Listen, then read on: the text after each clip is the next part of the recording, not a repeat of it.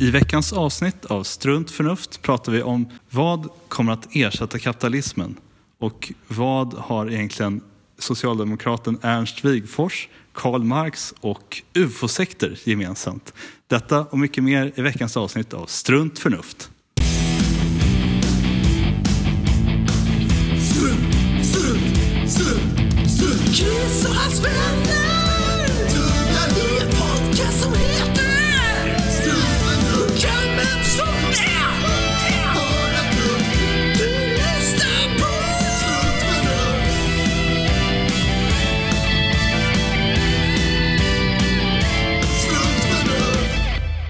Jag läste en artikel i The Atlantic Ja, den är bra. från eh, maj eh, förra året som handlade om att det här begreppet late capitalism som jag tror eh, hittades på av kanske Marx eller någon annan, alltså Mm, kommunist. jag kan svara på den frågan. Ah. Jag läste på lite om det. Ah. Du kanske inte vill... Inte Nej, det, det, det, artikeln handlar i princip om att det är ett ord, eller liksom ett begrepp som har kom, tagit sig in i det moderna språkbruket. Liksom. Eh, men eh, ja, du, har, du sitter på, vad har vi på late Precis, capitalism? här, vad drar jag fram med min rockarm nu? Jo, ehm, precis. Late capitalism är tydligen då ett begrepp som dök upp under 50-talet i akademiska kretsar och sen fick större spridning 1975 när en figur som hette Ernest Mandel skrev en bok eh, med titeln Late Stage Capitalism. Okej, okej, ja. Och, och då, har det, eh, alltså, då har det varit på något sätt synonymt med det här liksom, kapitalismens gyllene era som egentligen är samma sak som rekordåren i Sverige. Alltså den här perioden efter andra världskriget när hela, och det är ju då i en positiv bemärkelse, liksom när hela samhälls, på något sätt, det liksom, kapitalistiska samhällsbygget liksom bar frukt ganska mycket, även för vanliga människor. Liksom. Vilket sedan då har, det finns, det finns ju många liksom, teorier och liksom, anmärkningar på hur det där lite har spårat ur sig, eller snarare inte fortsatt. Liksom, den här välståndsökningen och liksom, fördelning av Ja. resurser och sådär. Så, att, så att det, det, i den betydelsen så var det något ganska positivt då. Men det var ju samtidigt en sorts kommentar på eh, och vissa, alltså vissa tänkare som har använt det här ordet har, har istället talat om ung kapitalism. Så det har varit på något sätt, alltså inte late stage, det låter som liksom det sista steget innan sammanbrottet. Mm, liksom. Eh, Men de har då menat att, att det är liksom, den, så här, liksom, men nästan liksom den mest raffinerade eller på något sätt liksom, den kapitalism där vi liksom har Just lärt det. oss mest av tidigare misstag. Och jag tror att det, det är inte alla som menar så, utan det här är, täcker in liksom lite Mm, just det. både och. Det var en annan del av artikeln att alltså från början var det inte nödvändigtvis ment som ett eh, negativt Ja, just det. det man. Just det. Mm. Men att det, eh, som begreppet används nu handlar det väldigt mycket om liksom så här, symptom på en dysfunktionell värld. Eh, ett slags eh, här systemkollaps. Det är systemkollaps helt enkelt. Det, det, det, det, ur- tiden är ur led och det är bara tokigt. Um, men jag har ett eh, praktiskt exempel också som jag kommer att tänka på. Eh, har ni hört talas om det här Diablo 4?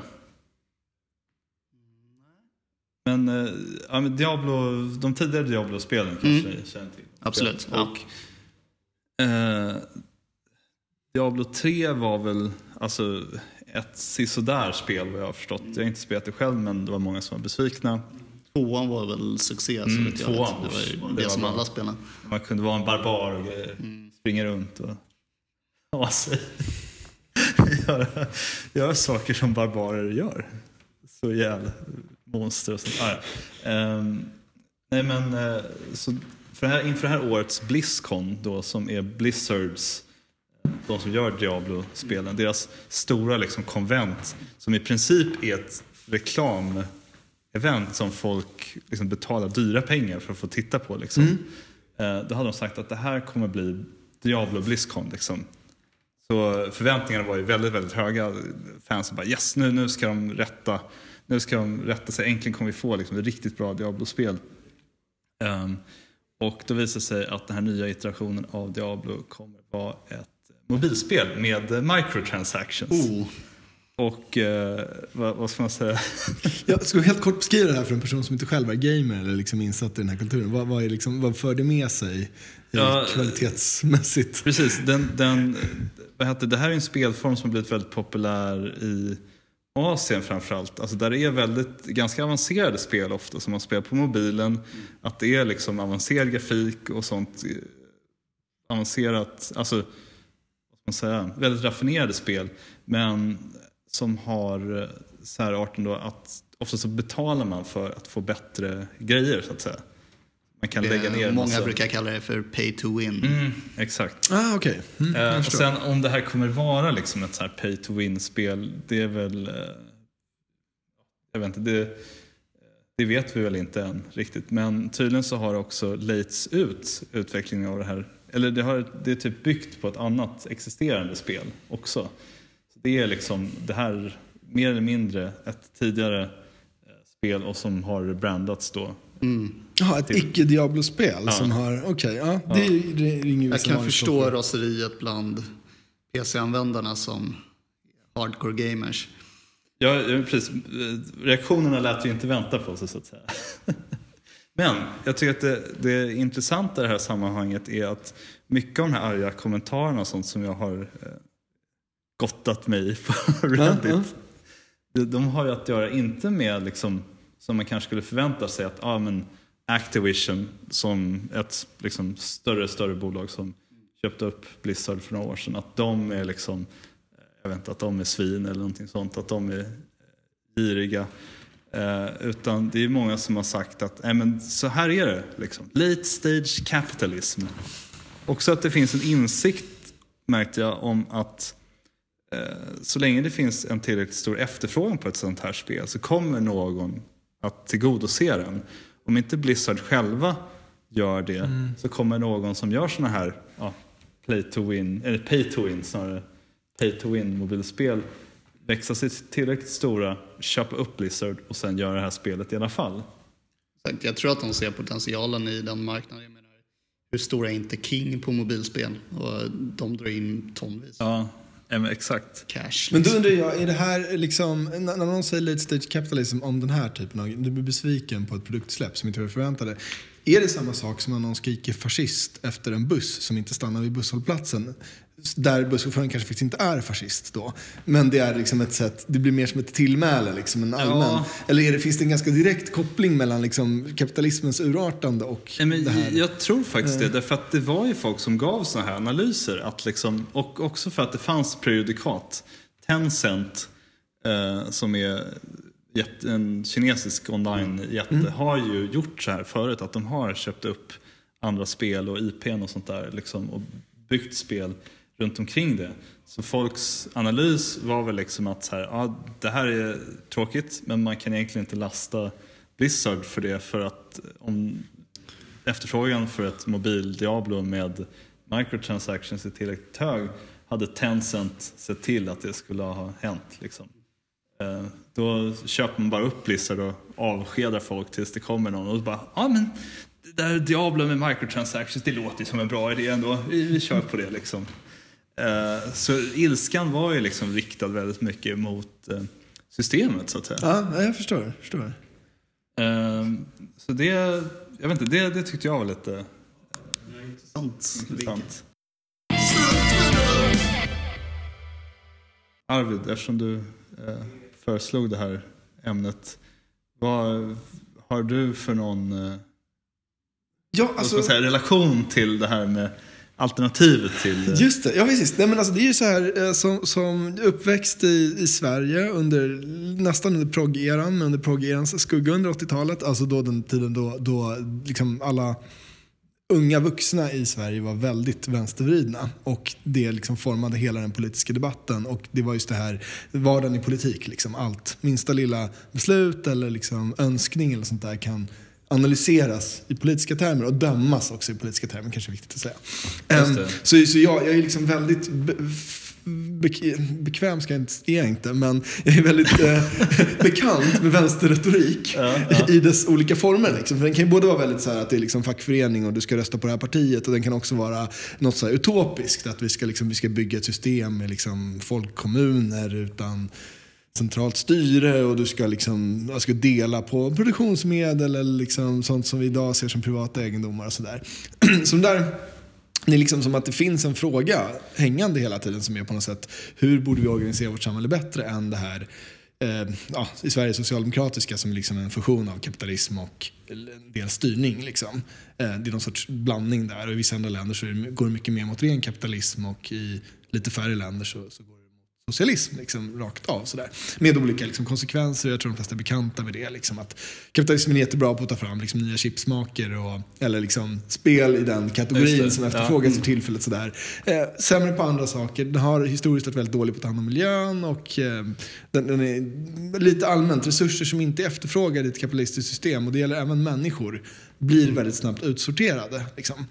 Eh, och även sådana saker som nischade saker som, som public service-tv är en sån sak där man liksom har försökt hacka det här systemet genom att införa en ej marknadsstyrd aktör som gör tv-program. Då, sådär. Så, så det där är ju liksom, just här i Sverige så befinner sig en viss balans som kanske dessutom håller på att skiftas åt ett håll. Liksom. Eh, men det är ju så här, om man tittar framåt. Vad är det så här, om vi ser de här problemen med, om vad det kan handla om, att det handlar om liksom hur finansiering ser ut i stort. Liksom. Vad fyller Kickstarter för funktion som inte aktiebolagssystemet kunde göra. Liksom. Eh, om man tar det till sin spets, så att säga, var, var skulle vi hamna då? Och om man tvärtom liksom, försöker man ytterligare en gång då att ta lärdom av alla gånger som socialism har misslyckats men göra det rätt den här gången. Var skulle man hamna då? Liksom? Det är lite så här, om du får fria tyglar, liksom, du får sätta dig vid spakarna för hela Europa eller för landet Sverige Just det, eller just för hela ja. världen. Liksom. Eh, vad är det som går att åstadkomma och hur skulle det se ut? Liksom? Och då finns det ju, så här, det finns ju liksom olika svar på de där frågorna som folk har försökt formulera tidigare. Liksom. Och det är, allt det där är politik såklart, för det är det det handlar om. Eller allt är faktiskt inte det, för sen finns det ju hela det här teknikspåret också. Så där kanske är lite så här, där kanske jag ska fråga, jag kanske ska räkna upp några saker så, så, så, så kan vi liksom hoppa in i något som låter intressant. Eller så, så att på, på den liksom politiska sidan, då, då har vi då såklart vi har eh, socialism, kommunism och så har vi anarki. Som är en sån grej som Ja. jag faktiskt för första gången har förstått lite mer vad det egentligen går ut på när jag Ja, det vill på jag höra mer om. Inför programmet. Ja, då ska vi absolut prata eh, anarki.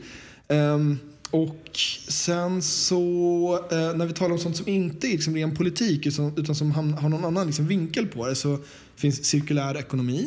Som är, vi nästan måste prata om för att beskriva vad det faktiskt går ut på. För det, det, man, man kan gissa men, men det jag, jag blev lite förvånad över vad, vad det verkar Delningsekonomi som är också sånt där buzzword som ni kanske har hört på senare dagar. Liksom. Ehm, och sen så är det Eh, teknikdeterminism i allmänhet, som egentligen är ett begrepp som går tillbaka till Marx. Liksom, men som idén att all viktig samhällsförändring är ett resultat av teknisk utveckling. Att liksom, med ren politik och bara vilja så händer egentligen ingenting. Utan det är först när du gör nya saker möjliga som inte var möjliga förut i liksom någon sorts naturvetenskaplig bemärkelse som, som det sker samhällsförändringar. Och sen kan de bli väldigt radikala och ha med helt andra saker att göra. Typ tänk Napster liksom. Ja. Ehm, men, men ändå. Eh, och eh, singulariteten, som är den mest extrema teknikdeterministiska liksom, eh, händelse du kan tänka dig, nämligen att liksom, AI blir självlärande och självutvecklande och på något sätt alla våra problem bara blir lösta på eh, en millisekund när det där väl börjar gå i någon sorts positiv spiral. Liksom. Och, eh, och det kan då vara något jättepositivt och sen så kan det bli liksom Harmageddon. Det beror helt på vem du frågar. Liksom. Ehm, och eh, post-scarcity, som jag tycker är en väldigt intressant idé, som egentligen är att du tar det här industrisamhället som vi befinner oss i idag, där du kan gå och köpa ett eldorado-bröd för fem spänn. Och så kan du leva på det ett par dagar. Du har det här liksom att vissa typer av produkter och kanske allt fler då börjar bli som billiga till den och, och alltså, vad ska man säga, eh, ekonomiskt eh, de får lägre, lägre ekonomisk vikt så att de nästan blir gratis. Och Ja. att det där kan man ta längre då. Så att ganska mycket av det som vi idag ser som liksom statusvaror eller liksom åtråvärda, sådana saker blir så billiga att de i praktiken inte är, utgör någon kostnad. Eh, Och, och vad det betyder då. Och att det faktiskt också, även i ett sånt samhälle så skulle vissa saker vara väldigt åtråvärda. De kanske skulle bli ännu dyrare därför att de blir en av de få sakerna som folk kämpar med sina pengar om. Liksom. Eh, Så det är, en, det, är en, eh, det är en intressant sak att titta på. Och så slutligen så är det en grej som heter Imagination Age. Och det här, allt det här är bara ett urval. Det finns ju hundra till sådana saker. Men det är idén att det är liksom vad som kommer efter informationsåldern som vi då befinner oss i nu. I alla fall vi i vår, den här delen av världen. Så det är industrisamhället, sen så informationsåldern. Och efter det så kommer Imagination Age där de liksom praktiska problemen med tänkande, typ att lösa liksom matteproblem och programmera och sånt där också. Allt det där har vi maskiner till. Så det som liksom återstår som det mänskliga liksom, arbetet och input, det är olika former av så här, kreativitet och liksom, ja, här flummigare typer av arbete om man säger så. Liksom. Nå- någonting jag kan tycka är lite intressant är också vinkeln. Liksom, vad händer när typ, resurserna börjar ta slut på jorden? Det blir liksom, växthuseffekten tar fart på riktigt och folk måste migrera. Hur löser man liksom... Kommer kapitalismen funka då? Eller Hur, Ja. Hur, hur löser man väldigt- det? Det finns ju både de som dilemmat. menar att det kommer den absolut att göra och de som menar att det där blir liksom det här fallrepet. Liksom. Att Det kapitalismen fungerar bara när du på något sätt kan ösa resurser över den. Precis. Det finns ju och ytterligare andra som också hävdar att det där kommer aldrig hända. Det är bara bluff. Så är det ju klart också. Fake news. Så.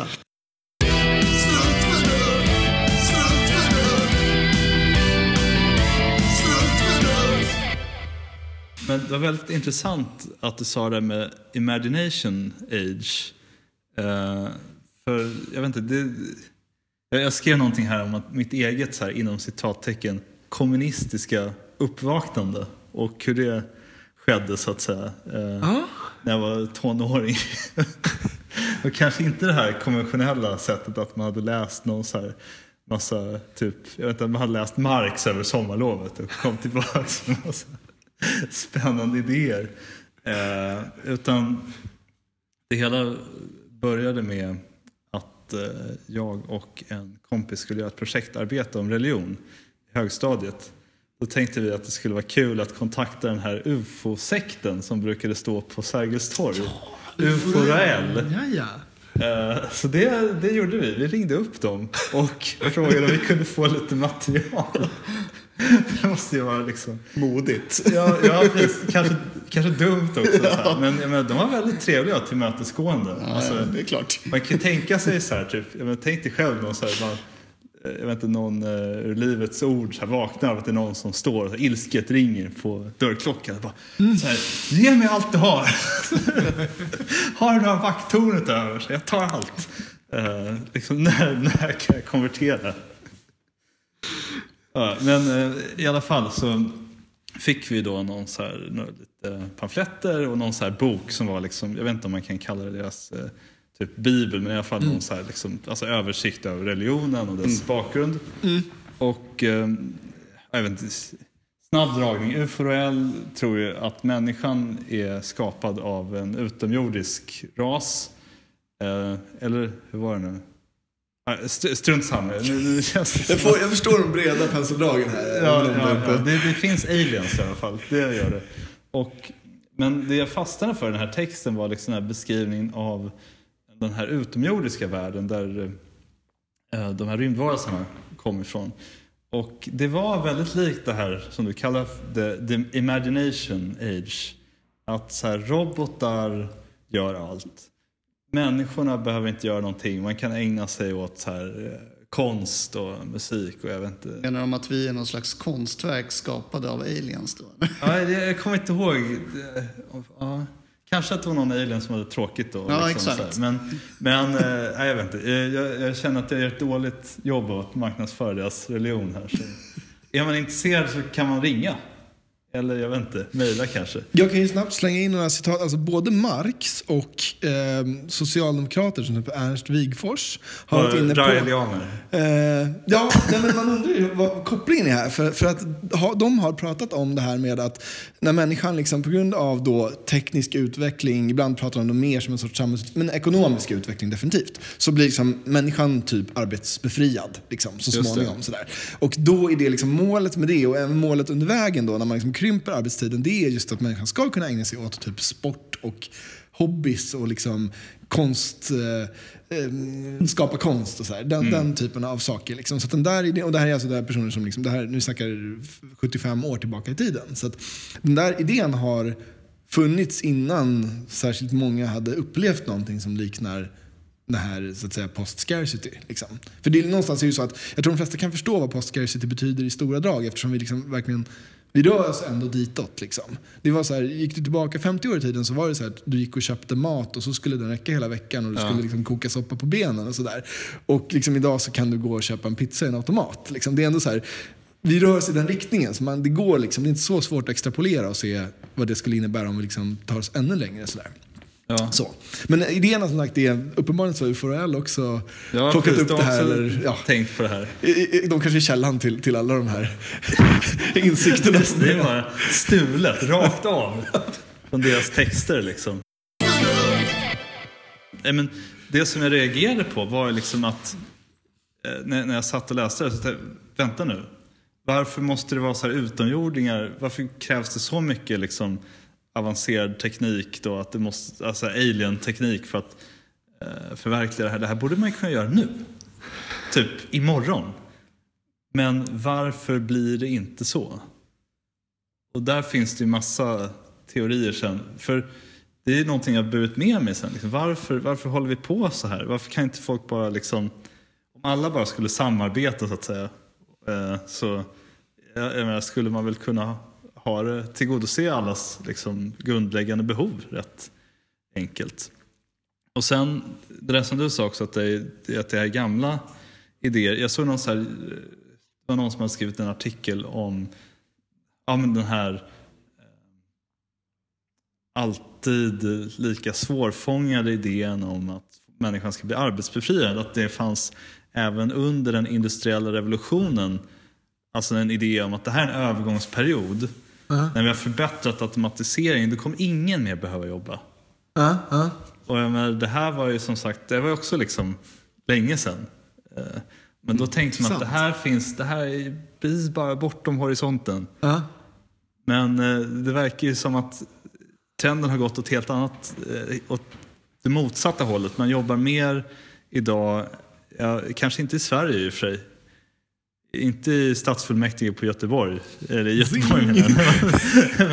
Där de faktiskt har sex timmars arbetsdag. Eh, Men eh, som sagt, det verkar som att det går liksom åt andra hållet. Vi jobbar mer istället för mindre. Ja, visst, och vi får mindre också, jag menar, någonstans måste vi mäta så att säga, lön, vad man får för det här arbetet. Det blir en sorts variabel i, i sammanhanget också. Liksom. Om folk Mm. av någon anledning väljer att bli rikare, må så vara. Liksom. Men det finns ju, det finns ju eh, tydliga siffror på att den, ehm, för, för medelklassen då, som ju liksom är kanske intressant för att det är, ja, arbetarklassen ska man räkna också, men jag menar de här liksom toppskikten vad som händer med dem är inte lika intressant för att berätta vad som händer med hela samhället. Men så har den här disponibla inkomsten gått ner i västerlandet i stort och ännu mer i USA dessutom än i Europa. Eh, Sen den här då gyllene eran, Okej. alltså eh, efterkrigstiden liksom fram till 80-talet ungefär. Så folk har liksom mindre pengar kvar nu efter utgifter? Ja, alltså, med- med samma- Adjusted for inflation och. Precis. Och under den där perioden då, som du nämnde, då, gick, då var det där, under korta perioder, liksom, på en liksom femårsperiod, så kunde det där öka så att det liksom märktes. Ja. Så det gav ju en sorts allmän känsla av att ah, yes, nu är vi verkligen på väg åt ett håll. Liksom. Och säkert också snart kommer vi liksom Snart kommer arbetstiderna gå ner och så kommer alla ha det jättebra och så kommer vi liksom att bovla och måla hela dagarna. Liksom. Precis, ägna åt här själsliga aktiviteter. Liksom. Det kan inte vara så att när man väl börjar få en liksom, ganska bra ekonomi, att man börjar konsumera mer också. I och med att man konsumerar mer så kommer det behöva mer arbetskraft för att tillhandahålla liksom, det man konsumerar. Alltså jag tycker om man tittar på såna här, eh, proto, eller såna här hippies som liksom lever inom samhällssystemet. Såna här människor som, som har någon sorts frilansgig och sen så lever de på liksom, eh, kokta kid, kidneybönor hela månaden sådär och har en sån här jättelåg liksom, ekonomisk profil. På Surfinstruktör på Bali. Ja, precis. Så på sätt och vis, de gör ju, det kanske är, svaret är kanske att så kan man göra. Och då kan man vara sådär arbetsbefriad idag. Ja. Men det, det här är saker man måste göra avkall på för att hamna där. Liksom. Då kan man inte ha bil, man kanske, kanske inte kan bo så, centra, liksom, så fint enligt vad, vad fint nu betyder. Liksom. Och, så, och även när det gäller maten. Liksom. Men det är okej, man överlever och det går liksom ingen nöd på en egentligen. Då. Ja, Det det var ju någon artikel i om det var Aftonbladet för kanske något år sedan om någon familj som redan vid 40-årsåldern eh, liksom slutade jobba för att de hade liksom tjänat in. De levde jätte, jättesnålt då. Liksom. Ja. Hade verkligen tjänat in så att ja, men nu klarar vi oss livet ut om vi lever hyfsat. Liksom. Ja. Och det är väl lite sådär, det är väl kanske det liksom. Man kanske inte ska gå på hur så här mediansnittet av befolkningen gör i den situation vi befinner oss. Utan vill man ha svaren på de här så är det kanske liksom någon sorts extremer man ska titta på. De här som lever som allra liksom snålast eller ja, jag vet inte, de som jobbar allra mest. Liksom. Vad gör de med sina pengar och tjänar de pengar på det och så vidare. Liksom. Den där typen av, eller det kan i alla fall ge några svar. Det är ju inte, naturligtvis säger det, någonting, det säger bara någonting om dem. Men liksom, om en person kan göra på ett visst sätt så kan ju det i vissa fall betyda att alla skulle kunna göra precis som den gör faktiskt. Strunt, strunt, strunt, strunt. Som han den där danske bonden på tv. Ja, eh, berätta. Ja, men han, det, det finns har inte du sett det Marcus? Nej. Nej, nej okej. Eh, Nu, nu låter det som att det är någonting som jag har hittat på här. Ja, men dra den ändå. Det Ja, kul, men det kul var någon, någon eh, dansk snubbe som, jag vet inte, han jobbade som IT-konsult eller någonting. Som vem som helst nu för tiden. Oj, ja. Så bestämde han sig för att nej men nu, nu struntar jag i det här och så åkte han ut eh, på landet och köpte en bondgård. Så eh, vad jag har förstått så är han självförsörjande och så ja, gör en massa grejer. Gör äppelmust och har, har hushållen med djur och så vidare. Eh, och så fanns det ett program på SVT där man fick liksom följa honom när han gjorde lite olika grejer. Det är ett heltidsjobb i sig att typ, Ja, det låter inte som att man liksom... Jag vet inte, Ja, tidsvinningen där är väl kanske liksom, Ja, nej, det, men precis. Men själva grejen var väl mer eller mindre att han var inte beroende av någon annan. Så att säga. Nej, just det. Även fast det är ju väldigt tids... Det är ju det som är lite problemet med eh, att så här, egenhushåll. Att, som jag har förstått det, att för att odla potatis så att det räcker åt en hel familj behöver du alltså, ganska lite mark. Det räcker med en plätt på typ, jag, vet jag tror att det är 6 gånger 9 meter eller någonting. Jaha. Så det, jag blev också väldigt så här, va, räcker det? Så här, då fick jag en idé. Va, ja, älskling, vet du vad? Ska vi inte ta och köpa en liten tomt här ute och så bara odlar vi potatis. Problemet är ju att potatis är ju ingenting man kan sälja. Det löser ju dina matproblem. Exakt. Men så fort du behöver något annat än mat, typ kläder, Mm. får antingen göra det själv eller så får du liksom, ja jag vet inte, jobba. För jag menar, du, du kan inte sälja tillräckligt med potatis för att eh, liksom, Om man tar det här med självhushåll versus liksom, vad, vad är motsatsen, liksom industri, storskaligt liksom producerade så är det ju så att alla som har provat att göra något sånt där, typ sy egna kläder eller eh, bygga någon e elektronisk pryl själv, även om det är från delar som är färdiggjorda, har märkt att det är ingen chans att varken prismässigt eller tidsmässigt att det konkurrerar med att bara gå och köpa den här grejen. Ehm, och det beror på vad man, vill, vad man vill få ut av det där också. Men om man just vill få ut det här leva det här enkla, bekymmerslösa livet så jag kan aldrig se att, att ha ett, en egen bondgård och leva på den, att det är det. Liksom. För det är så här, du har liksom bytt, istället för att det är the man som är liksom din arbetsgivare så är det naturen som är det. Exakt, och du, du blir väldigt liksom, beroende av att ja, det är bra väder. Eh, Vad händer liksom, när det blir klimatförändringar? Hur, hur eh, kommer du kunna hantera det? Och sen så är det också det som är i alla, i alla så här eh, västeuropeiska eh, sammanhang i alla fall att du har inte, du har inte din sjukvård utan den grejen finns ju där. Ja. Liksom. Du kan inte opta ut ur samhället på det sättet, du måste fortfarande betala skatt men liksom, eh, du har ändå den biten som är en ganska stor bit när det gäller till att överleva i, i liksom, verkligheten. Så, så att det finns kirurger och ortopeder och ja. tandläkare.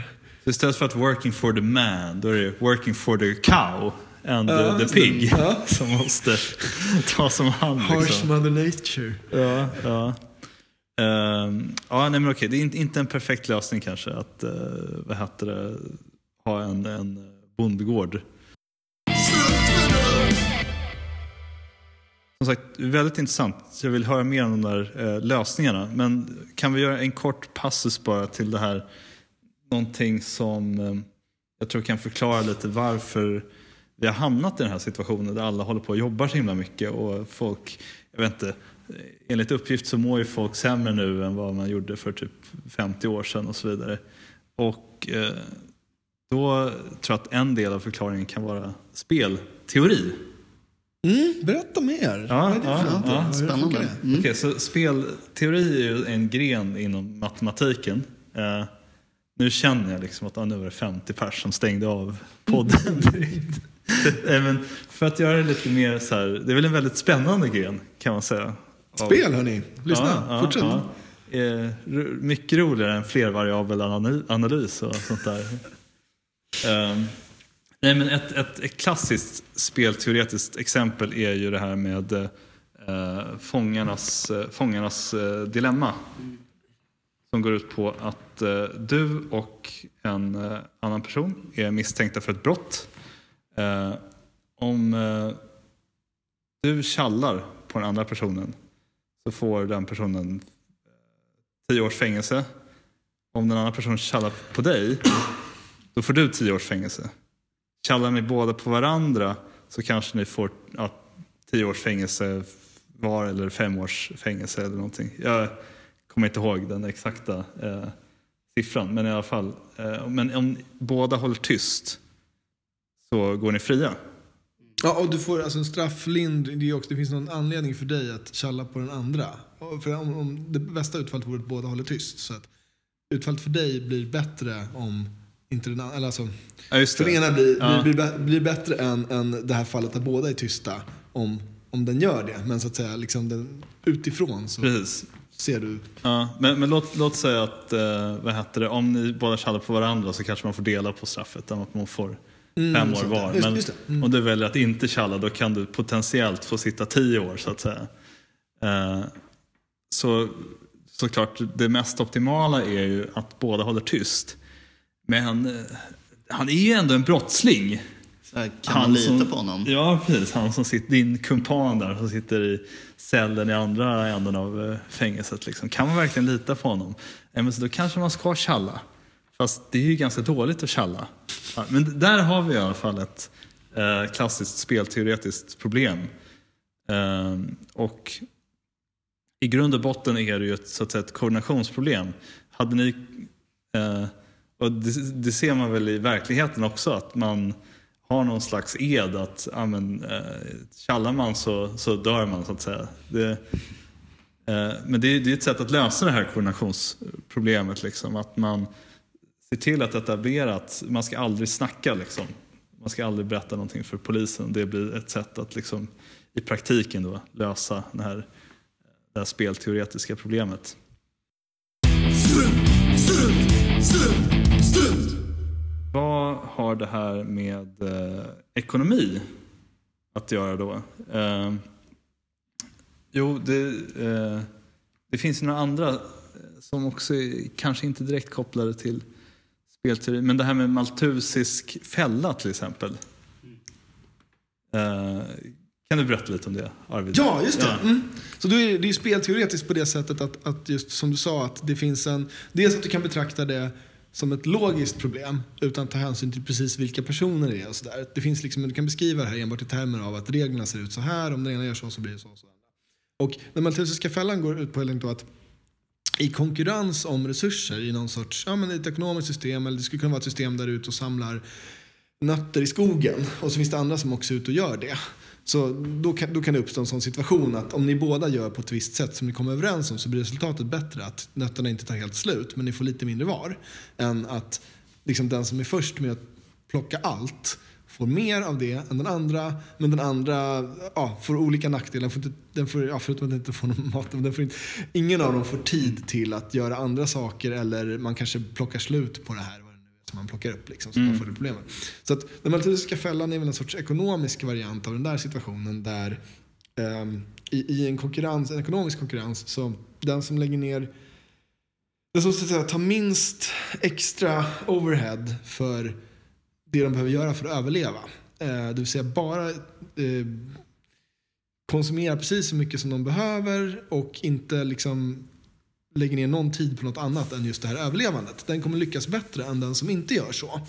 Och det här overheaden kan även vara sådana saker som att vara att liksom vara socialt ansvarstagande. Att låta de som arbetar vila. Liksom, och, Ja. eh, eller att lämna saker, pensionsinbetalningar och alla möjliga sådana. Att vara snäll mot arbetarna. Liksom, om det på något sätt lönar sig att inte vara det för att, för att liksom, eh, få, få liksom optimal produktion. Och då säger den här maltesiska fällan då att i en sån situation där det inte finns någon sorts extern kraft som ser till att man upprätthåller de här andra värdena, det här som också blir en overhead, så kommer man alltid sluta med att den som liksom närmar sig att enbart överleva och lägga ner all sin energi på det kommer lyckas bättre än den som inte gör det och därför kommer det till slut bara vara sådana kvar och därför kommer hela samhället bara fungera på det Precis. sättet. Liksom. Och återigen ett koordinationsproblem därför att om alla bara kommer överens från början om att här, alla ska vara snälla och så vidare. Uh, vi ska inte bara satsa på att, jag vet inte, uh, överleva. Då kommer man aldrig komma i den situationen heller. Exemplet som jag, uh, eller ett exempel som jag läste på den där Slate Star Codex som vi båda, som vi båda läste var ju det här med att det finns två stammar av råttor som hamnar på en öde ö. Och det, det här finns det liksom hur mycket frukt att äta som helst. Alltså, råttorna har det bra, de kan liksom ta det lugnt och chilla. Liksom. Och den ena stammen säger att "Nej, men, vi, vi borde se till att vi inte blir, blir fler. Därför att så länge vår population är stabil då kommer det fin- alltid finnas jättemycket frukt och grejer att äta. Liksom. Så vi behöver aldrig tänka på att samla mat. Vi kan bara ta det lugnt, ha det bra, göra grejer som råttor gör på fritiden. Vad det nu kan vara. Sen har den andra stammen som inte är lika långt framåt tänkande och lite mer promiskuösa än de andra råttorna. De skiter i det. De äter gott och de förökar sig. Liksom. Det är väl det de gör med sin fritid helt enkelt. Eh, så de blir snabbt fler. Och till slut så blir de så många att de eh, är ju mycket eh, många fler än den här andra råttstammen som hellre ägnar sig åt konst och idrott och sånt där. och tar mycket kalla duschar. eh, men eh, till slut översvämmas hela ön av råttor och istället för att ha leva någon slags glassig tillvaro så får man istället kämpa för överlevnad. Liksom. Det enda man kan göra är att liksom försöka hitta tillräckligt med mat för att överleva. Så de här råttorna lever ju inget, eh, det är inte fett längre. Mm, nej. Och ingen har tid att ägna sig åt konst och idrott. Nej, för ingen mer konst och idrott. Precis, det är föröka sig och hitta mat. Liksom. Det är det enda som gäller. Eh, och det, det här är väl ett klassiskt eh, exempel på, eh, vad heter det, en maltusisk fälla. Också det här med spelteori, att vi har det här koordinationsproblemet. Att det bästa för alla hade varit om man bara hade bestämt sig från början. Ehm, om att det, så här ska vi göra. Max två barn per råttfamilj. Annars kommer vi liksom förlora den här fina situationen. Problemet är att det räcker med en. En råttfamilj som bara, mm. men, ah, råttpappan kanske varit hemma. Jag kanske kom hem sent. Jag är lite på lyset. Det, det är fint att vi pratar om råttor här men det, det blir mer och mer uppenbart att det inte är den arten som det här handlar om. Väljer att tumma lite på sitt kyskhetslöfte. Ja, ja. Nej, men det, det finns ett annat väldigt roligt exempel tycker jag. En sån här dollarauktion som det kallas. Att, eh, låt säga att jag skulle gå ut nu på Sergels torg och säga att hörni, hörni, alla, alla. Eh, här har jag 100 kronor som jag säljer till högstbjudande. Eh, enda eh, haken är att även den som bjuder näst, näst högst måste ge mig pengar. Så låt säga att Marcus, du skulle bjuda 10 spänn. Arvid, du bjuder 5 spänn. Då måste Marcus ge mig 10 Marcus får 100-lappen men Arvid Ja, måste, måste även ge mig sin 5 krona. Eh, men det verkar ju nice, eller hur? 100 spänn för en krona, det är taget. Jag kan ju se vart det här leder. Men jag väntar. Ja, men då, eh, då, då, då, då det blir många intressanta liksom. Alltså, ehm, men till slut så är man ju då, alltså allt som är lägre än 100 kronor är ju värt att betala för en hundralapp. Så då kommer väl någon och bjuder 99 spänn och till slut, eh, och så han som bjöd under honom har ju antagligen bjudit 98. Ja. Men då tänker han, vänta, om han, den andra tjommen, vinner auktionen, då måste jag ju betala 98 spänn till Kristoffer. Då går jag ju back 98. Nej, men då är det fan bättre för mig att lägga 100 spänn ändå. Då går jag i alla fall plus minus noll. Men Han som bjöd 99. Han vill inte. Äh, äh, äh, Vänta nu, vad fan. uh, Det är bättre att jag förlorar en spänn. Ja, precis. Då tänk, då, okej, om, jag, om jag lägger 101, om jag bjuder 101, då har jag bjudit 101 spänn för en 100 kronor sedel. Men, men, men, jag kommer inte förlora, jag kommer gå back en spänn bara, inte 99 spänn. Och så fortsätter det sådär. Och det sjuka är att det här funkar i praktiken. Ja, det kan jag tänka mig. Ja, det är någon ekonomiprofessor som har skrutit med att han hade tjänat 17 000 dollar totalt genom att ha sådana här demonstrationer. liksom bara genom att demonstrera principen. Ehm, för att det, det funkar liksom, det funkar så bra. Men det finns fler eh, i, i så här mik, vad man säga, mikroversioner av samhällen. Och, eh, så finns det fler eh, exempel på sådana här eh, koordinationsproblem. Bland annat eh, det koreanska högskoleprovet. Det kallas eh, Sonung, tror jag. Eller CSAT. Eh, och det är ungefär som liksom vårt högskoleprov, att resultatet där bestämmer vilket universitet man kommer in på. Vilket universitet man kommer in på bestämmer i hög grad vilken arbetsplats man sen kommer hamna på. Och det bestämmer i hög grad liksom vilken eh, samhällsstatus man kommer ha framledes. Hur mycket pengar man kommer tjäna, var man kommer bo och så vidare. Så det här provet är ju extremt viktigt.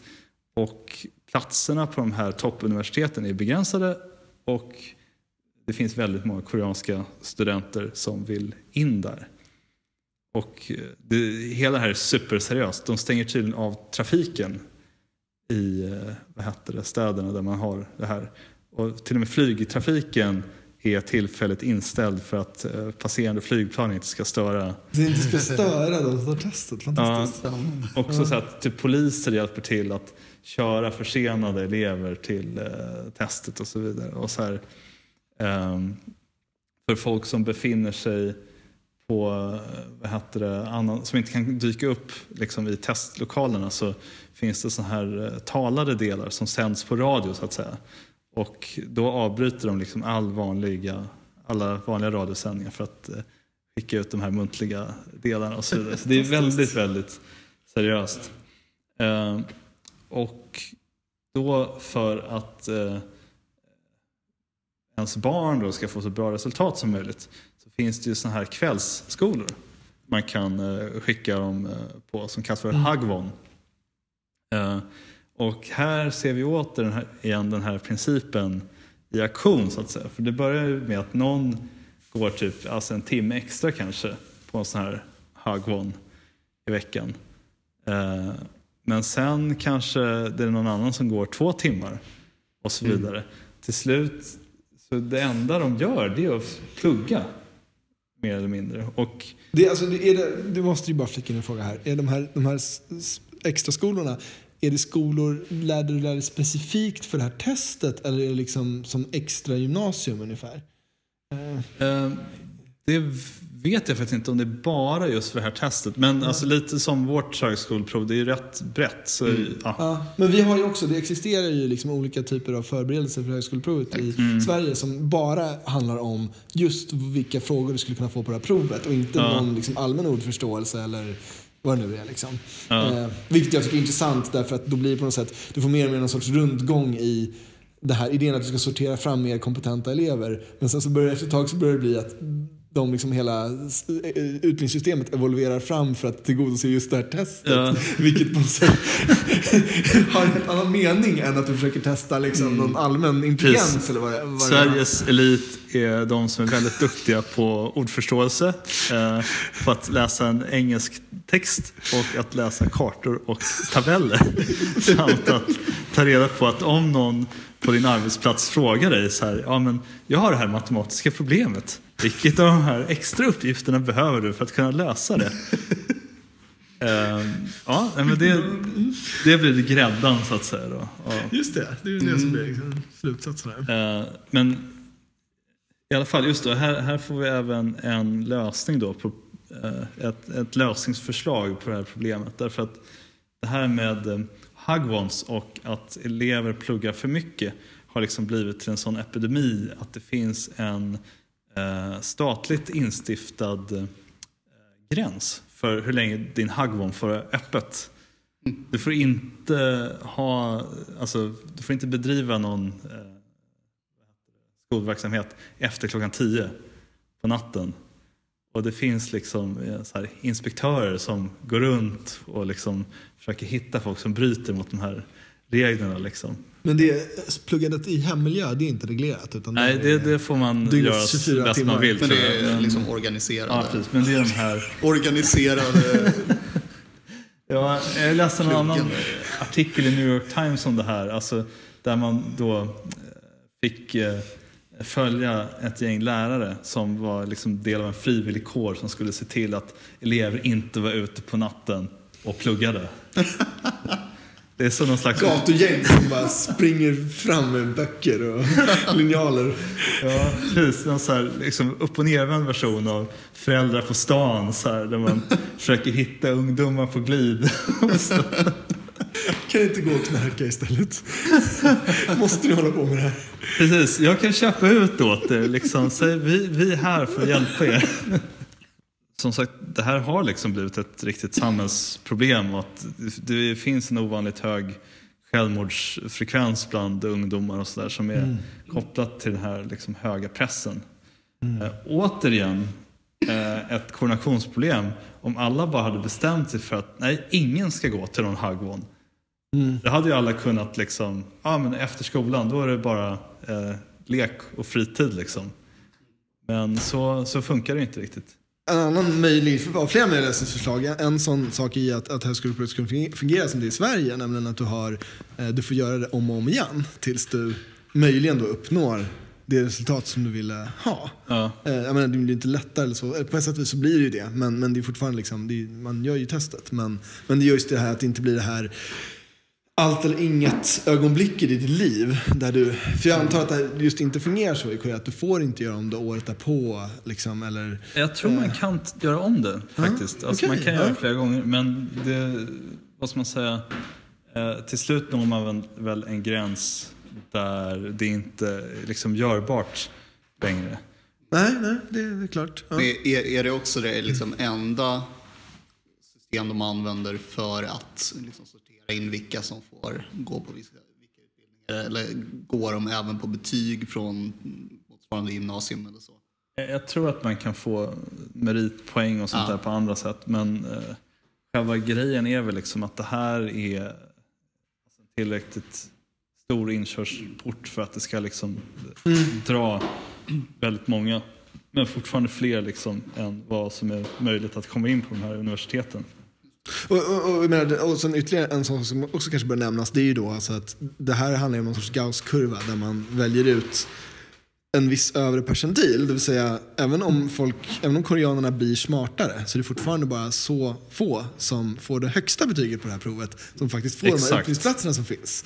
Och det är ju så här, om du verkligen liksom vill, om du kräver, om det här inte skulle handla om liksom att du hade tur, liksom, eller så att säga, du vann tävlingen, utan det skulle handla om du måste vara tillräckligt smart för att gå igenom den här utbildningen.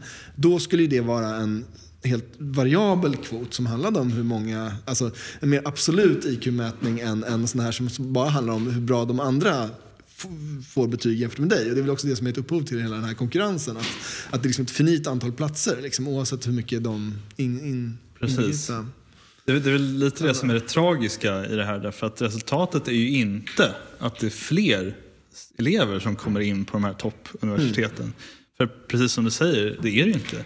De platserna, eh, är, eller det antalet platser är ju konstant. Så det enda faktiska liksom, effekten är ju att folk måste plugga livet ur sig, eh, nästan bokstavligen. Eh, för att liksom, komma in på ett bra universitet. Just det. Och man kan också, det är också en intressant sak, man kan också fundera på det där att en sorts flaskhals då, betyder det att de senare studierna, liksom att risken att när jag klarar det där testet så är risken sen att du åker ur högskolan, den är inte särskilt stor. Så att det finns någon sorts, liksom, vad ska man säga, det, det är en icke-linjaritet i det här. För de, annars skulle du tänka dig liksom att sådana där studier blir svårare och svårare. Liksom. Och visst, man försöker göra diagnostiska prov, men att det fortfarande handlar om att det är ingen idé att du liksom försöker så att säga, fuska, alltså teknika dig igenom testet. Därför du, i så fall kommer du inte klara utbildningen. Ja, Men nej, det nej, låter som att det inte. handlar inte om det. Nej, Nej. Eh, Det, är inte, det här är inte liksom lära för livet. Nej, det har jag så mycket förstått. Absolut. Jag tänker hur liksom, det är lite avstickare, men hur utbrett är fusket på det? Kan jag tänka mig om det är liksom så seriöst att... Ja, men där är det också så här, det finns många intressanta artiklar att läsa om det här. Att det, det är som ett extremt hedersuppdrag det här. Att tydligen är det så att folk som är med och ska skriva frågor till det här testet, eh, alltså plockas, för det är lärare vad jag har förstått, de plockas från sina arbetsplatser kanske veckor i förväg och liksom tas till någon slags okänd ort där de ska sitta och skriva frågor. För att de liksom, just de, ut, de väljs också ut slumpmässigt. Så att ingen vet liksom vem Just det, det det, är som gå- kommer vara med. ja. Och, Skickas till en ödslig bunker ute på vischan ja, någonstans. precis. För att så här, de inte ska liksom kunna... De bränns efter testet. Inte testerna utan lärarna. De får hållas isolerade fram tills provet är skrivet. Ja, men det, det, jag vet inte, det är väldigt, väldigt dramatiskt och väldigt allvarligt eh, det här. Liksom. Strunt, strunt, strunt, strunt. Det finns ju massa analogier till det här, alltså grejer som funkar precis likadant. Som typ jag vet inte, bostadspriserna i Silicon Valley till exempel. Bostadspriserna överallt där många vill bo. Eftersom det, just du, har, du har en finit resurs. Och det, är det, roliga eller tragiska i sammanhanget är att bostadspriser handlar om mark. Så i någon mening så är det ju absolut finit. Du kan inte trycka in mer. Det går till en gräns, så går det att förtäta och sådär. Men ändå. Eh, Men när det är utbildningsplatser så är det ju inte så. Det är ju inte så att det finns en liksom Ja, det, det finns inte fler smarta människor som kan lära ut i världen så att säga. Tvärtom, utbildning fungerar ju väldigt mycket i den här termen att du kopierar information. Om, man, om man uttrycker det sådär. Och ett annat exempel på det här som, som kanske också är mer så här, går att relatera till här i vår del av världen. Det är ju att eh, i Sverige där vi har en arbetslagstiftning som sätter gränserna för hur mycket du eh, hur lång en arbetsdag får vara och en vecka. Och sen så finns det olika sätt runt det där. Det finns en viss flexibilitet. Men man kan jämföra det med länder där det inte finns. Som till exempel USA. Där det är normalt att om du är liksom någon sorts white collar-arbetare så, så jobbar du liksom, vad vet jag, 80 timmar i veckan. Nej, men liksom, det är en helt annan nivå av det som förväntas. Och varför är det så? Är det för att de människorna älskar sitt jobb så mycket? Eller att det att de gör är så himla viktigt? Nej, det är för att de konkurrerar med andra människor som inte heller har någon eh, liksom cap på hur mycket de kan jobba. Och, och en typisk sån sak där jag skulle hävda att kanske är 40 timmar i veckan inte precis det optimala. Men vi har åtminstone eh, så, som det fungerar i, i Sverige så har vi en lösning på det här problemet som just går ut på att du säger att alla ni som konkurrerar med varandra, ni ska faktiskt, det här är liksom gränsen som ni och de som ni har anställda liksom ska jobba och det sätter en sorts ehm, Ja, det gör att man inte går in på det här där man, det börjar gå ut över liksom välfärd, de här värdena som man inte vill, att man inte ramlar ner i den här maltusiska fällan helt enkelt. När det gäller arbetstid. Man har en extern aktör som sätter parametrarna. Liksom. Så, här, så här ska... Det är fortfarande liksom en konkurrens men den är begränsad och inom de här ramarna så att säga. Som, och ramarna de är är så att säga snävare än det här ren överlevnad då. Så på, på ett mik en mikronivå finns det ju lösningar på de här problemen. Alltså fackföreningar är ett exempel. Ja, precis. Från arbetstagarnas sida så att säga. Kartellbildning å andra sidan från liksom, vad heter det, företagarnas sida.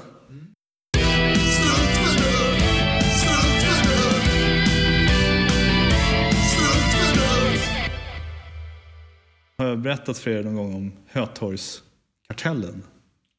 Lå- Låter bekant, men eh, du får gärna... Alltså, eh, när jag jobbade vid eh, vad heter det, Hötorget förut så var det så att det fanns tre olika ställen där man kunde köpa så frukostmackor. Mackor. man kunde köpa på Matrix, man kunde köpa på ett annat lite mindre café. Någon så här, och sen någon tredje aktör som jag inte kommer ihåg riktigt. Och alla de här ställena kostade 10 spänn. Eh, så det spelade inte jättestor roll vart man gick. Eh, på Matrix kunde man även köpa billigt kaffe till. Som var väldigt äckligt i och för sig, men det, det, det var en USP för mig liksom, att man kunde få en kopp kaffe också. Så dit brukade jag eh, oftast gå. Men sen en dag så hade de höjt priset på Matrix-mackorna till 12 spänn. Och då tänkte jag, nej, det här är ju skandal. I'm taking my business elsewhere, thank you. Men så gick jag till det här andra kaféet då. Och där hade de också höjt till 12 spänn. Och sen gick jag till den här tredje aktören då och där kostade mycket riktigt mackorna också 12 kronor. Eh, jag menar, alltså så här, två spänn extra, det gör ju ingenting. Men det roliga här tänkte jag att, liksom att det, det har typ skett ett möte i natten. Tre liksom, någon snubbe från Matrix och de andra bara, hörni grabbar, det här med 10 spänn, är inte det lite lågt? Oss emellan. Jag känner igen det där lite från när jag pluggade på Södertörn också. Fast det två restauranger. Ja, det var två restauranger tror jag. Det var ju liksom helt plötsligt så höjde den ena. Det tog inte lång tid innan den andra höjde. Jag tror att kaffepriset var väl uppe på det dubbla när jag slutade där efter några år. liksom. Men det, det är ju en, en grej också i det här med själva kapitalismen. Att precis som det här exemplet med råttorna så att säga. Att oftast är det ju så att den idén som blir, blir prevalent. Så att säga, det, är, precis som du sa där med var det, Marx. Att eh, det måste finnas, det finns liksom ehm, ett, en mängd förutsättningar för att en viss samhälls eh, samhällsskick ska kunna blomstra så att säga. Och det är lite som när att det är en bakterie eller virus så eh, liksom konkurrerar det ut liksom de andra eh, kulturerna eller de andra idéerna. Liksom. Eh, för jag tror också att det är någonting som Alltså, eh, om, om man tänker lite slarvigt så kanske man tänker att äh, men, det, är någon, det, är liksom, ah, det är de där kapitalisterna som har gjort det här. Det är, att det är någon som liksom har bestämt att det är så här världsordningen ska se ut så att säga. Om det nu är Bilderberggruppen eller vem det nu är som egentligen bestämmer så att säga. Som, Precis, så här, och liksom att, eh, vad heter det, att, att det liksom är någon som eh, är ovanför allting och liksom håller i trådarna. Ja, precis. Så här ska vi dela upp allting. Liksom. Men um, det känns som att det, det är bara någon slags illusion eller ursäkt för att man ska kunna avskriva sin egen roll i det hela, så att säga. Um, och som sagt, teknologin gör ju att det liksom bildas en eh, grogrund för olika former av statsskick. Till exempel när alltså, de flesta var analfabeter och liksom gick runt och påtade jorden. Så här. Då känns det som att det var rätt logiskt att ha en styrande elit liksom, som kunde, alltså, för att det var ju nästan omöjligt att ha någon överblick liksom, över det som var Sverige och så vidare. Eh, det var inte så många som var kvalificerade för att eh, vara kung eller någon slags despot så att säga. Utan det fanns ett eh, litet maktskick liksom, som hade möjligheten att faktiskt bestämma över de andra. De andra kanske inte ens visste vilket land de bodde i mer eller mindre. Det fanns ju den här grekiska stadsstaten också där invånarna hade det så bra ändå att de kunde ägna tid och energi åt att filosofera kring hur ska vi styra vårt land, vilka är vi som greker och så vidare. Att man kanske borde rösta om hur saker och ting ska göras och så vidare. Ehm, och sen när, liksom på medeltiden, då fanns det ju inte tid eller resurser att skicka ut olika partiprogram till stugorna här i, i Sverige. Liksom. Nej, just det. Att, alltså, det, det krävs en viss höjd av kommunikationsnivå för att köra vissa typer... Direktdemokrati är en sån sak som först nu börjar bli realistiskt möjligt att göra. Exakt. Liksom. Och antagligen så här, bara allmänna val regelbundet, det hade man inte kunnat göra på medeltiden. För att det hade varit för mycket logistik och för mycket fuskpotential. Och, Ja, ja, och så vidare. Liksom. Folk hade ju inte kunnat, vet, liksom kunna samla in information. Ja, och bara veta vem man röstar på också, vad de står för. Precis, sån här basic demokrati kräver ju liksom att man, vad heter det, kräver ju att man är liksom någorlunda påläst och så vidare. Och det är många som säger att vi är liksom i demokratins sista dagar därför att nu är det så lätt att publicera information att folk eh, har svårt att skilja från vad som är sanning och vad som är verklighet. Allt det här med fake news och alltså, utländska makter som försöker påverka val och sånt där verkar ju vara ett alltså, reellt hot mot demokratin. Strunt, strunt, strunt, strunt. Att eh, till exempel bygga om ett, alltså att inifrån försöka förändra det kapitalistiska samhället så att folk kanske konsumerar mindre är ju väldigt svårt. Om, även om det är någon person som säger att "Nej, men jag slutade köpa grejer. Nu har jag blivit buddhist. Jag har två lakan och en ris. Eh, eller Två sådana här, vad heter det, munkkåpor och en risskål. Det, liksom. det är ju liksom, man får försöka skapa någon efterfrågan för att inte konsumera. Precis. Hur det liksom, Och skulle då gå man tjäna pengar på det. Och då Ja. blir det i så fall en sån här faktor som tar resurser från ditt liv som kräver att du arbetar mer. Och redan där har vi på något sätt krockat in i oss själva. Liksom. Precis. Vilka ekonomiska medel ska betala för den här Super Bowl-reklamen där man säger åt folk att inte konsumera någonting? vilka, vilka finansiärer vill gå in i mitt projekt som innebär att man ska stänga ner liksom hela kapitalismen så att säga? Alltså det, det, det går ju liksom inte riktigt.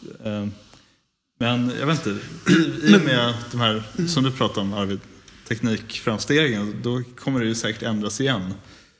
Ja, det tror jag. Jag är en sån som tror, har köpt den här idén om att, så att säga, ekonomisk och samhällelig utveckling har, drivs på något centralt sätt av, av teknisk utveckling. Lite som det här vi talade om vad som krävs för en demokrati och sådär. Men man kan också tänka sig att eh, kapitalismen kanske inte, för, alltså vi kanske inte bryter ner kapitalismen och ersätter det med en annan grej som har samma plats. Utan vad som kanske händer är att andra saker byggs ovanpå kapitalismen. Och det kan jag totalt se hända. Och då tänker vi lite på de här som eh, säsongsarbetar som surfinstruktörer. Liksom. ja. Att, att de på något sätt, du kan leva det här, jag menar, om man inte tar att målet är inte att man bryter ner systemet och kan stå med systemets avhuggna huvud och skråla liksom, på en bergstopp. Utan det är att det finns vissa krav på livet man lever. Och de kanske går att uppfylla inuti det kapitalistiska systemet. Och naturligtvis kommer det förändra det systemet om väldigt många gör det. Men, men det kanske är så förändringen sker. Att det här systemet ger oss en viss frihet. Och att den friheten går liksom att missbruka till att faktiskt liksom börja gräva på en utgång ur det här systemet. Det, är ju, det blir också ett hoppfullt Ja. avslut på diskussionen.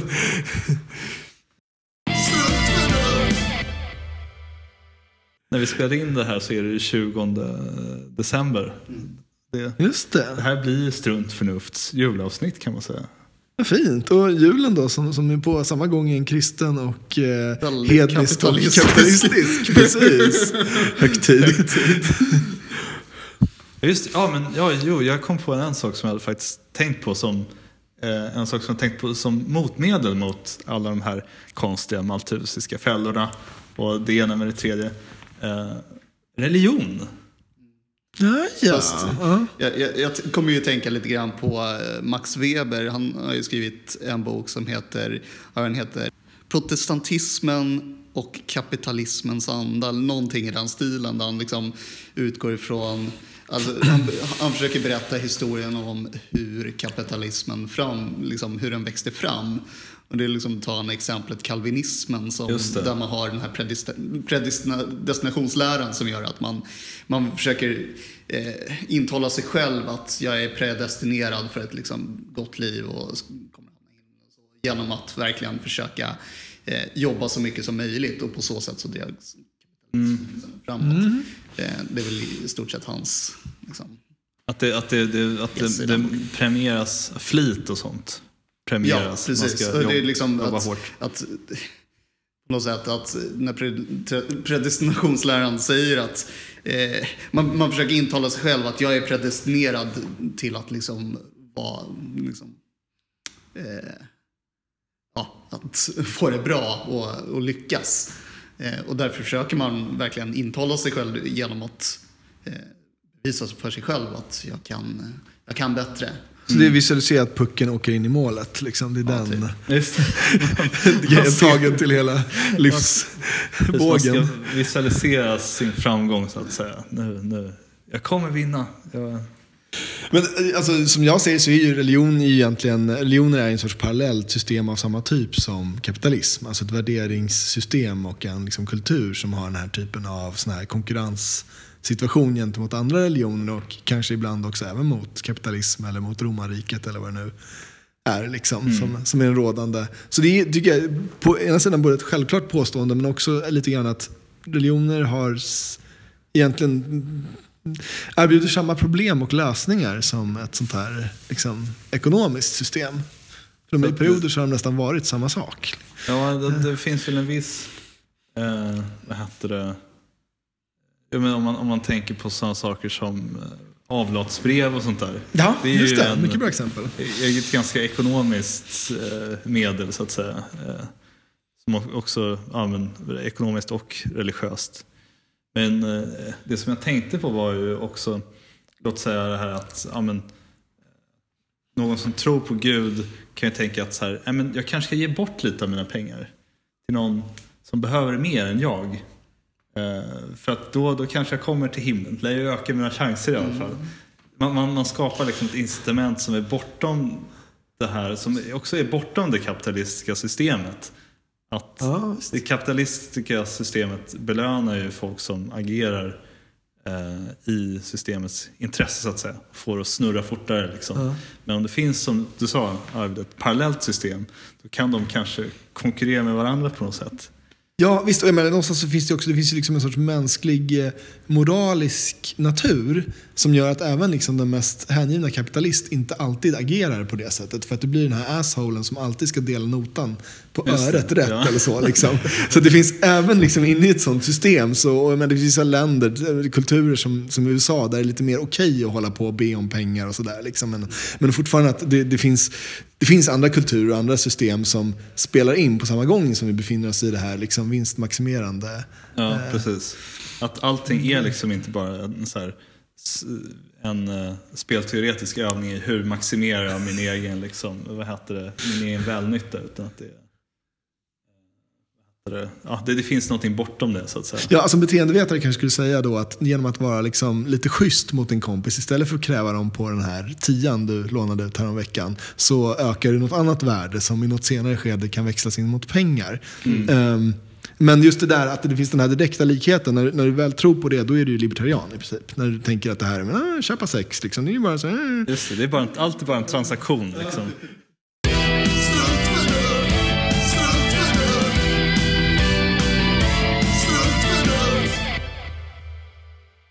Det finns ju de här klassiska kurvorna där man ser att hur eh, psykologiskt välbefinnande och ekonomiskt välbefinnande hör ihop. Och att i början är det rätt linjärt, liksom, för varje extra krona du tjänar desto gladare blir du.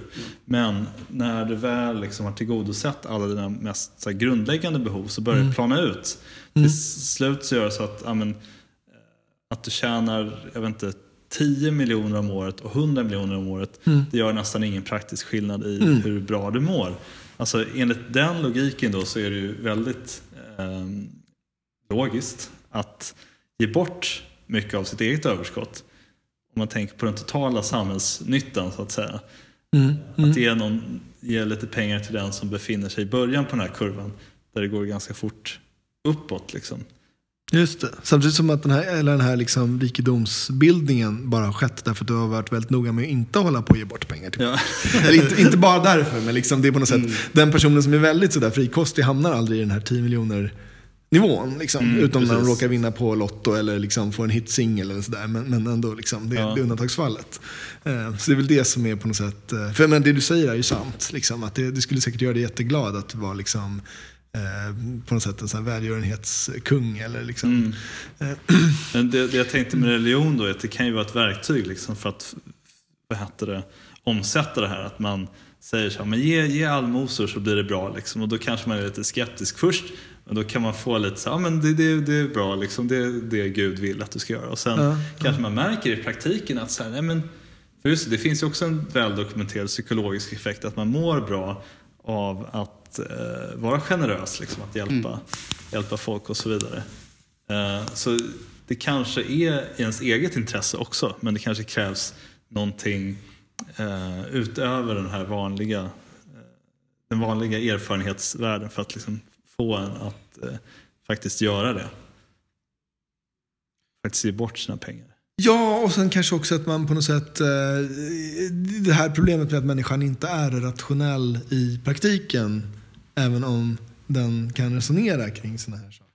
Det här vore det rätt att göra. Så, Så att steget att faktiskt göra det kan vara större än det verkar. Bara för att det finns and, liksom vanor som styr. Och, Ja. Eller just det här liksom, att du har levt halva ditt liv med att vara extremt noga med liksom, pengar och placeringar och sådär. Sen så plötsligt så inser du att hoppsan, det här, liksom, någonstans för tio år sedan så, så slutade det här fylla en funktion. Det är en ganska jobbig insikt. Det kanske är lättare att låtsas som att det är fortfarande det viktigaste i mitt liv. För att annars måste du omvärdera en massa andra saker förutom just de här extra 90 miljonerna. Ja. Jag menar, det kan väl kanske vara så, nu spekulerar jag fritt här, varför det är många såna här, eh, multimiljonärer som är eh, olyckliga. Just eh, för att det kanske är att de jagar den här jungfrusilen fortfarande. Att när deras första deal där de kammade hem 100 000 liksom, att de vill känna den eh, liksom det hoppet då i välbefinnande. Men det går inte för de är för långt ut på den här de är, de är så långt ut att pengar blir bara en siffra. Liksom. Ja, ja visst, alltså det låter kanske trivialiserande men, men jag tänker på att så mycket andra mänskliga verksamheter fungerar på det där sättet. Att någon gjorde någonting när de var tio som var jättekul och sen så blir det deras hobby resten av livet. Och det kanske lite grann handlar om just om att jaga den här första gångskänslan liksom. Så, så det är så här, det vore kon- jag, menar, jag, är, jag är en sån person som inte tror att äh, människor som är väldigt rika automatiskt är någon sorts supermänniskor som är jätteintelligenta på precis alla sätt och bara förstår livet i dess minsta detalj. Liksom. Det, de är duktiga på att tjäna pengar, det kan jag ge dem absolut. Och de är säkert kanske över genomsnittet i någon sorts intelligensmått. Men, men det är inte det där att de förstår allt som vi inte förstår. Men, ehm, och, och med det sagt då så är det ju kanske sannolikt att de inte heller har en full, de har inte den här metakognitionen i större grad än vad vi har. Alltså att de förstår, de ser på sig själva utifrån och förstår precis varför de gör saker liksom, och varför de tänker på saker som de gör. Sådär. Utan någonstans så tar det där slut och sen så är det bara intuition. Liksom. Ja, jag vet inte. Det känns... Har vi kommit närmare en lösning? Jag bara skakar på huvudet. Ja, Ja, jag, hade aldrig, jag hade aldrig tänkt mig att vi skulle på något sätt knäcka den här nej, problematiken. nej, nej. Jag tänkte att vi kanske kunde, kunde skrapat lite på ytan, men det kanske inte ens ett dubbelavsnitt räcker för att lösa kapitalismens gåta. Nej, precis. Eh, Men som sagt, ja, eh, kanske vi avrundar då. Låter bra. Ja, Ja, det, här, har varit, precis, god jul allihopa. Ja, god det här jul, har varit jul. Strunt Förnufts julavsnitt. Eh, om ni har några julklappar kvar att köpa, eh, överväg kanske att köpa eh, begagnat. Mm. Eller inte köpa något alls. Om det är någon som blir besviken kan, de Mm. hän, eh, kan ni hänvisa dem till det här avsnittet så kommer de säkert förstå. En podcast är ju gratis och eh, går att eh, Ja, reproducera. Så Det är tanken som räknas. Jag har tänkt en, en del. Det är vår gåva till er. Ja, men eh, god jul och eh, gott nytt år allihopa. Så ses vi nästa år.